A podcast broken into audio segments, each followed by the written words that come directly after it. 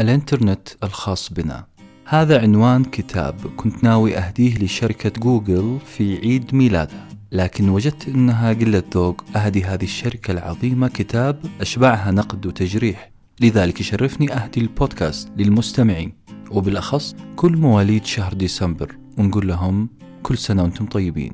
ابدأوا معي سلسلة من الانتقادات اللي أتمنى أنك ما تتذكرها كل ما استخدمت جوجل باحثا عن معلومة. من أعظم النعم علينا في الدنيا أنك تقابل شخص كلامه جذاب. جاذبية الكلام لها عناصر كثيرة منها المفردات اللي يغذيك بها هذا المتحدث منها محتوى كلامه خاصة لو كانت قضية جديدة ومهمة ومنها انتقاله من التنظير للتفاصيل ومن التفاصيل للتنظير. كتابنا اليوم هو هذا المتحدث الجذاب. كتاب The Internet of Us للكاتب مايكل باتريك لينش. هذا الكتاب حيثري قاموسك اللغوي بمصطلحات جديدة. أراهن أنك حتسمعها لأول مرة في حياتك. زي مفردة القبلية الرقمية Digital Tribalism أو مفردة المعرفة الجوجلية Google Knowing أو المعرفة الموسوعية Encyclopedic Knowledge. هذا كتاب جذاب لأنه يناقش قضية جديدة. والدليل؟ أنه تاريخ ولادة هذا الكتاب في شهر مارس 2016 يعني كتاب جديد وطازة. كتاب جذاب لأنك تلقاه شوية يتكلم عن جوجل وشوية يتكلم عن الفلسفة اليونانية والعكس. خلينا نلخص الكتاب هذا في أقل من 30 ثانية. زمان كنا نحفظ معظم أرقام تليفونات معارفنا. بعد انتشار الجوالات الذكية بخدماتها زي الأوامر الصوتية دليل الأرقام والاتصال السريع. أتحدى لو فيكم واحد حافظ رقم أخوه أو أخته. إيش اللي حصل؟ اللي حصل إنه حاجتنا لحفظ الأرقام قلت بسبب التكنولوجيا. فيه ملكات عقلية معينة في أدمغتنا توقفت عن العمل لفترة طويلة. الكتاب يقول الإنترنت قاعد يعمل نفس الشيء مع ملكات عقلية مهمة كالفهم والتحليل والاستيعاب. كنا زمان نقول التجربة خير برهان. الآن ما عاد صرنا نجرب كل شيء. يكفي إننا نفتح جوجل وننهي أي جدل حول أي معلومة. جوجل بيقدم لنا كم هائل من المعلومات. أنت ما أنت في حاجة مكتبة ومراجع وخبراء ما أنت محتاج تفك في رموز ودراسة سياق وتاريخ وسياسة واجتماع. أنت ما أنت محتاج لهذه العناصر كلها في أي نقاش. كل اللي تحتاجه محرك بحث جوجل وضغطة زر وشخص تتعابط معاه. بالتالي المثل القديم التجربة خير برهان ممكن نغيرها إلى جوجل خير برهان. لكن هذا التطور التكنولوجي حمل معه مشكلة تتلخص في سطر واحد. احفظوه زي اسمكم. إحنا صرنا نعرف أكثر لكن صرنا نفهم أقل. بحسب رأي المؤلف إحنا ما صرنا نحلل أو نحاول نفهم بل صرنا نكدس معلومات أكثر. الكاتب يقول محركات البحث أعطتنا بنك من المعلومات لكن خلتنا نقلل من معالجة هذه المعلومات. هذا الشيء بالتالي جعل مناطق حساسة في عقولنا على وشك أن تصدأ وتتحلل. الإبحار في عالم المعلومات نسانا عالم المعرفة. كثرة المعلومات اللي نتلقاها في اليوم قللت من ممارستنا عملية التحليل وفهم المعلومة. بمعنى آخر قللنا من قراءتنا العميقة والتفكير فيما نقرأه. قللت من مشاركتنا هذه المعلومات مع الآخرين ونقاشها معهم. عضلة العقل ارتخت وأصبحت أضعف من ذي قبل. ولذلك الإبحار في عالم المعلومات نسانا عالم المعرفة. عالم معلومات وعالم معرفة. إيش الفرق بين المعلومات والمعرفة؟ هذا السؤال أشبعه الفلاسفة بحث. المعرفة أو نظرية المعرفة Theory of Knowledge هي الطريقة التي نتعرف فيها على الحقيقة على الصح والخطأ. طيب هنا السؤال. كيف كان الناس يتعرفوا على الحقيقة؟ كيف الناس كانوا يحددوا الصح من الخطأ؟ عندك مثلا طريقة التأمل والحدس زي الروحانيين. في طريقة التحليل المنطقي زي أرسطو.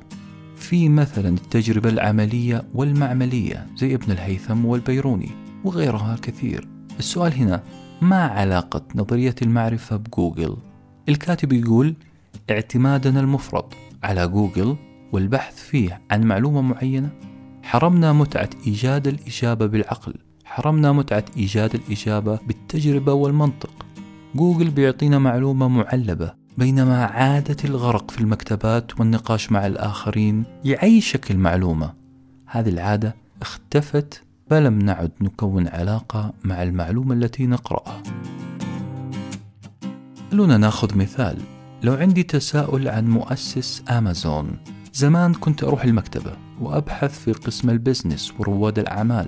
أفتح كتاب يتكلم عن الشركات الحديثة وأضطر أني أقرأ في الفهرس وأروح للفصل المناسب.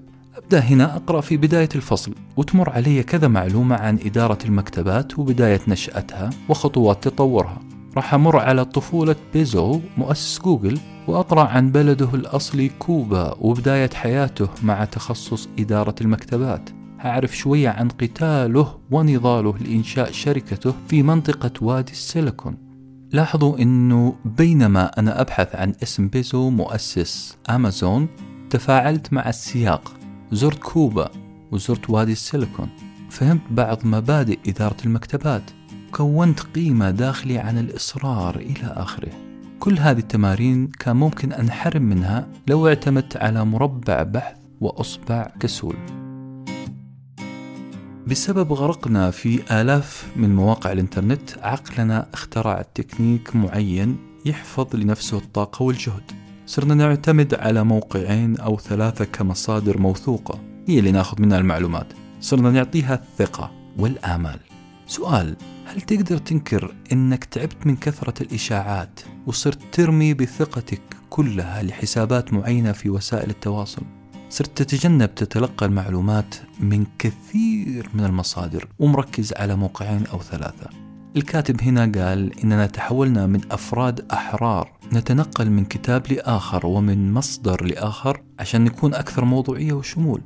تحولنا إلى أفراد في قبائل رقمية في قبيلة جوجل قبيلة جودريدز أو في قبيلة ويكيبيديا. تحولنا لجماعات تقرأ وتطيع أو كما سماها الكاتب Digital Tribes.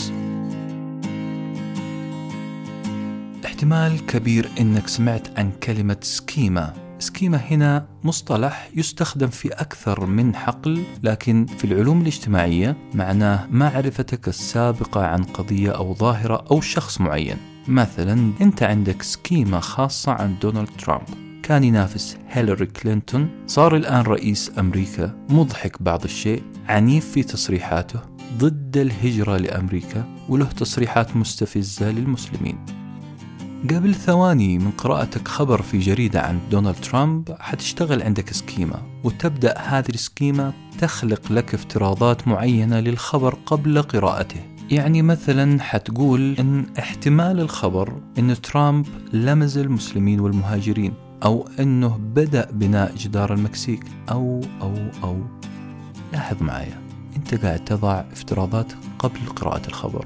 حتبدأ عملية تعديل في هذه الافتراضات تغيير في هذه الافتراضات. حتنفي بعض المعلومات وتثبت أو تضيف بعض المعلومات.